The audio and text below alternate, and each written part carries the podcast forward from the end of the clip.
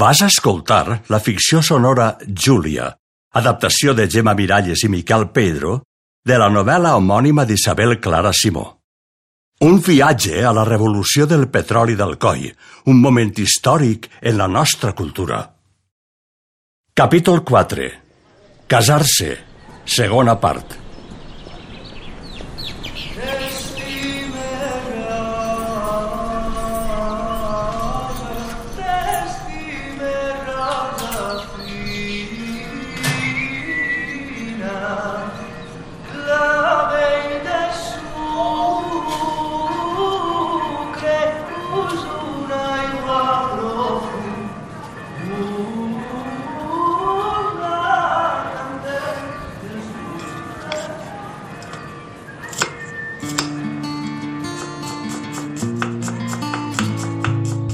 Però el senyor Romeu no t'ha tornat a cridar ni t'ha dit res del que vau parlar.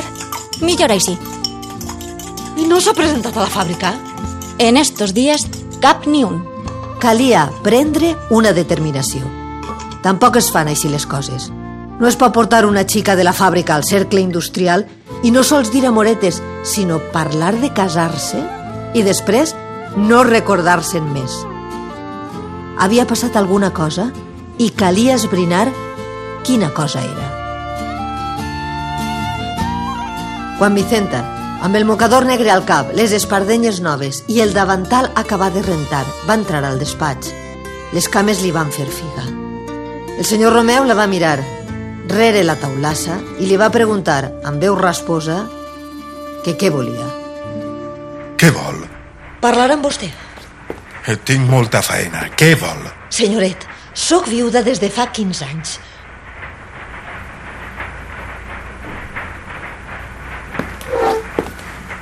No puc deixar de treballar i menys ara...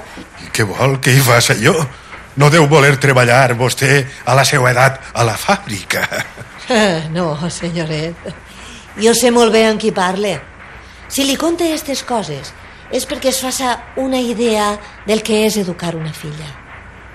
Vostè ja sap que Júlia no és com les altres. L'he pujada com una senyoreta. No hi ha cap altra com ella. I molt innocent, també ho sé. Ve vostè de part de Júlia? Ella no en sap res, senyoret. Que caiga en redó, ara mateix, si mentisc. Però vull que sàpiga que ella, que és una bona filla, mai no m'amaga res. Una palometa que passe i ja ve corrents a casa dir-me-ho. Josep Romeu es va repenjar al respatller, amb un gest de cansament. Va col·locar l'índex i el polze de la mà dreta comprimint el pont del nas i amb l'esquerra va fer un gest d'adonar-se'n. Va sospirar. Mire, jo no puc veure bé que vostè la citarà d'amagat en un lloc reservat. Com a mare no ho puc aprovar. Vostè és un senyor. Però ella és una xica a la flor de la vida, la nineta dels meus ulls, que no tinc cap altra cosa en el món més que ella. El senyor Romeu callava. Ni jo li demane res, ni ella ho consentiria. Però, senyoret, un home com vostè, fent il·lusions a una xiqueta que té el cap ple de fantasies, això sí que no ho puc deixar passar. Jo no vinc a demanar-li res, eh? ja li ho he dit. Però com a mare, crec que tinc el dret de saber per què. Quan la senyora Cecília encara estava calenta, vostè es va atrevir a... No, eh, sí, jo ho entenc. Si me'n sé fer càrrec, senyoret. Però ella només és una criatura i el seu cabell no para de pegar-li voltes. És la seva felicitat. Sap què vull dir-li? Quant de temps fa que treballa a la fàbrica, Júlia? Eh, Ja fa dos anys, senyoret. En tenia 16. I això perquè jo vaig tindre la mala sort de patir de les cames. Unes varius, que se'm menjaven viva. Si no, la meua Júlia no hauria treballat mai. Ella a casa com una senyoreta, però jo soles, què podia fer? Sí, sí, dona. Sé que vostè ha fet tot el que podia, no cal com ho conte. Estic pensant que, polida com és, eh, jo podria ajudar-les. Pot ser un talleret de modistes o què sé jo, de planxadores. Que Júlia tinguera més horitzons eh, que una fàbrica. Li ho agraïsc, però no. Jo dreta no puc estar-me massa hores. Les cames, sap? I ella, com que té promès, se'n casarà. I el talleret al cent. Eh, Me'n faig càrrec. Però més no puc fer. Em vaig equivocar. Això és tot. Un home com vostè. No m'ho puc creure. Jo tot ho faig pel seu bé. Pel bé de la xica, senyoret, pel bé de la xica, que a mi no mou res. Que ella no ha fet res. Mai, malament, mai. No es mereix patir així, pobreta. Una xicona neta, obedient, treballadora. I ara, que el mateix Rafelet, el seu promès, es van sumar alguna cosa. I a la fàbrica no paren. Sap què és per una mare saber que parlen de la filla. Sap què és això? A la fi ho va aconseguir. El va vèncer. Ell va posar les mans davant la cara i va esclafir un plor estrany agut com el de les criatures. I així va parar la xerrameca i ella li va donar temps de calmar-se. Vostè sap com l'estime a Júlia? Vostè sap que des del dia que li vaig posar els ulls damunt, ara fa vuit mesos que no sé qui sóc ni, ni què faig. Vostè sap que vaig resar. Resar, sí senyor. I que Déu em perdone perquè Cecília no patira més i no em fera patir més a mi. Sap com l'he somiada? Com l'he espiada? Sap com ho he patit? Com ho he maleït? Com he renegat de les coses més sagrades? Vol que li diga una cosa que ni el confessor no es pot creure? Que això no és desig, que és una cosa més fonda, la més fonda que un home pot sentir. La seua netedat, la seua cara sense malícia, les mans que volen davant del teler, la joventut, la manera de caminar, d'ajustar-se el monyo amb els colzes en l'aire, de contestar i sense vergonya, però amb mesura. Sap quin turment que he passat i que passe i que estic condenat a passar tota la vida? Però, home, no es posi així, no es desespere, eh? Quin mal hi ha en el fet de voler una xica decent? No cap.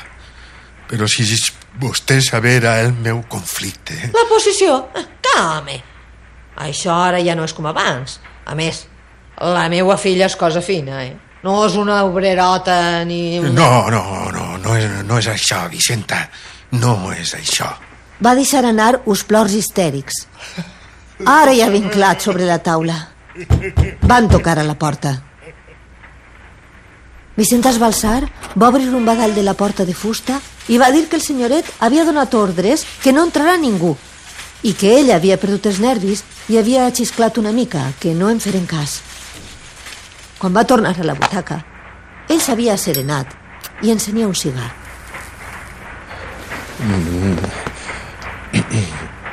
Seré clar amb vostè. El mateix dia que va faltar Cecília, el primer pensament va ser per a Júlia. No m'importava l'opinió, ni els comentaris, ni res. I li diré que després de, de, de, de l'any de dol havia decidit casar-m'hi.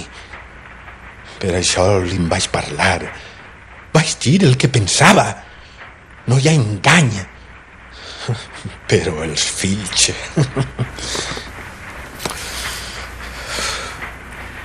Tinc dos fills. No són mals xicons, li ho assegure, però també cal comprendre'ls. El gran el tinc en València. Estudia dret. Dret? Pobret. Sí, vol ser advocat. Ah. El meu menut en té setge. Encara és massa jove per a vindre a la fàbrica a ajudar-me. Però no té ganes de fer carrera. Jo crec que la meva obligació era parlar-los a ells, que eren els principals afectats. Ho vaig fer eh, en tornar de l'enterrament. Home, és que després de l'enterrament... El gran, no s'ofenga, però es va posar a riure com si haguera perdut l'enteniment o com si l'haguera perdut jo. El xicotet va dir que si em casava amb una obrera es tirava del pont avall I ho va dir una i mil voltes, per més que jo explicava les virtuts de Júlia. I aleshores va intervindre la meua sogra. Em va dir, no faces barbaritats. I una altra solució no tindrà la cosa. Ell es va alçar i va cridar amb la porta entreoberta en tres dits.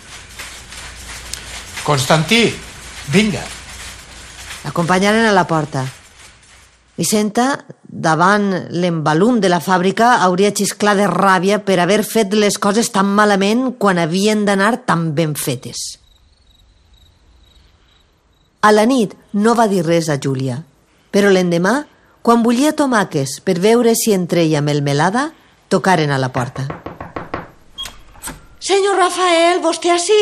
Passe, home, passe. No es queda a la porta. Que, que diu l'amo que la voldria veure. Vol que hi vaja a la fàbrica? No, no m'ha- m'ha dit només que l'avise per si no estava a casa, eh, que vindria ella sí. Molt bé. Gràcies. Quan va vindre el senyoret, Vicenta no havia aconseguit calmar-se. Rafael li deu haver dit...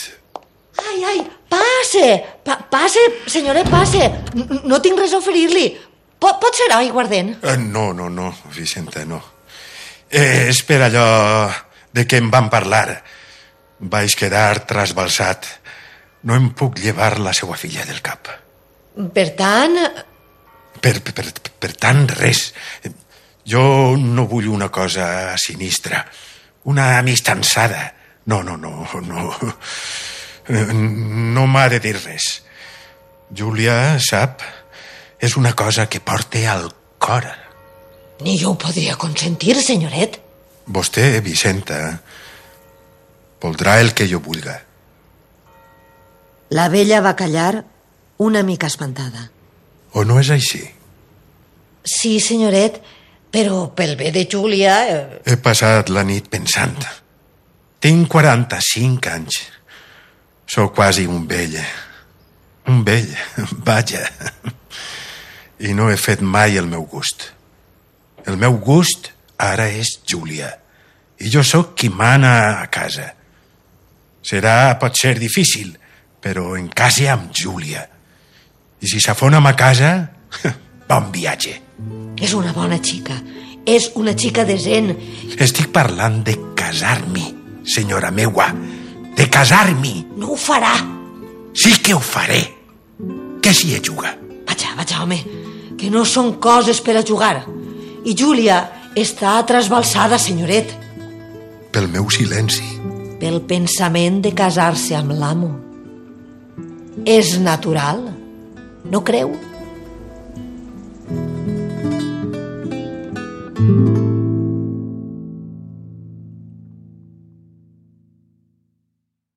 Has escoltat l'adaptació a radioteatre de la novel·la Júlia d'Isabel Clara Simó, una producció de la Dependent amb el suport de la Conselleria de Cultura i Esport, Ajuntament d'Alcoi, Acadèmia Valenciana de la Llengua, Unió Alcoiana Seguros, Ràdio Alcoi i A. Intèrprets principals. Pepa Miralles, Glòria Román, Juan Salloret, Pau Bercher i Pilar Martínez. Gravació de Luis Vélez i Gonçal Berenguer. Editat per Adrià Sempere i Luis Vélez amb música de Cofre Antic i Rafael Arnal. Capítol emès, gràcies al recolzament de la Càtedra Antoni Miró d'Art Contemporani de la Universitat d'Alacant, Edicions Bromera i les llibreries Detroit Llibres, Llibreria Llorenç i Llibreria Natura.